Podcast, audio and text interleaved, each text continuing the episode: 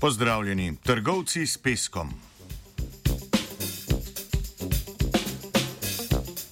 Skupina znanstvenikov in znanstvenic iz Združenega kraljestva in Kambodže je v septembru objavila študijo o kopanju peska na spodnjem delu reke Mekong v Kambodži. Članek opisuje štiriletno raziskavo, v kateri so podali oceno o količini izkopanega peska. Dobljeni izračun ekstrakcije peska presega uradno državno oceno za kar 3,5 krat. Delo so objavili v reviji Earth Science Dynamics.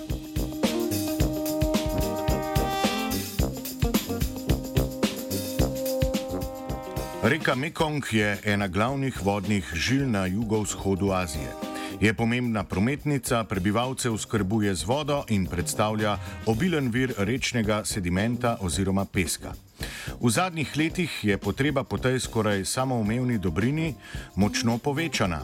Porast pripisujejo predvsem želji po hitri urbanizaciji, rasti prebivalstva ter zasipavanju in pridobivanju novih obdelovalnih površin. Reka Mekong sicer letno nanaša nov sediment, sediment vendar ne zadosti manjku, ki ga z izkopavanjem ustvarja človek.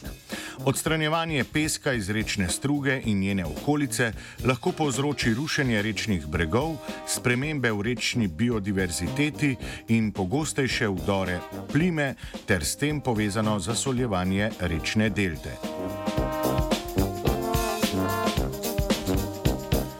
Spreminjanje količine sedimenta v strugi reke Mekong je raziskovalna skupina opazovala med leti 2016 in 2020. Pomagali so si s satelitskimi posnetki, na katerih so spremljali predvsem tovorne ladje, ki so prevažale pesek. Te tovornjače imajo odprt tovor in so dovolj velike, da jih zazna 5-metrska resolucija satelita. Da bi se izognili privezanim in mirujočim ladjam, so v raziskavo vključili samo tiste ladje, ki so bile od obale oddaljene več kot 100 metrov. Vsako leto je bilo na reki Mekong več tovornjač s peskom. Z opazovanjem lokacije ladij so lahko določili območja na reki, kjer se tovornjače najpogosteje zadržujejo. Tako so opredelili kraje, kjer je izkopavanje rečnega peska najbolj intenzivno.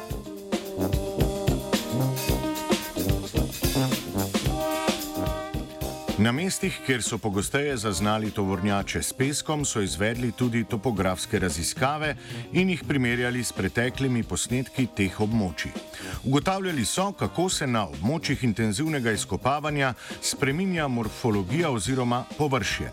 Zaključili so, da so to območja, kjer Mekong letno odloži največ sedimenta, tudi do 10 megaton letno.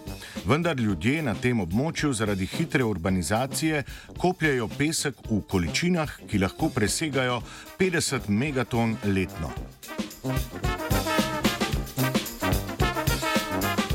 Intenzivno kopanje peska, ki smo mu priča na reki Mekong, lahko povzroči resne spremembe v lokalni hidrodinamiki in stabilnosti sedanjih kanalov.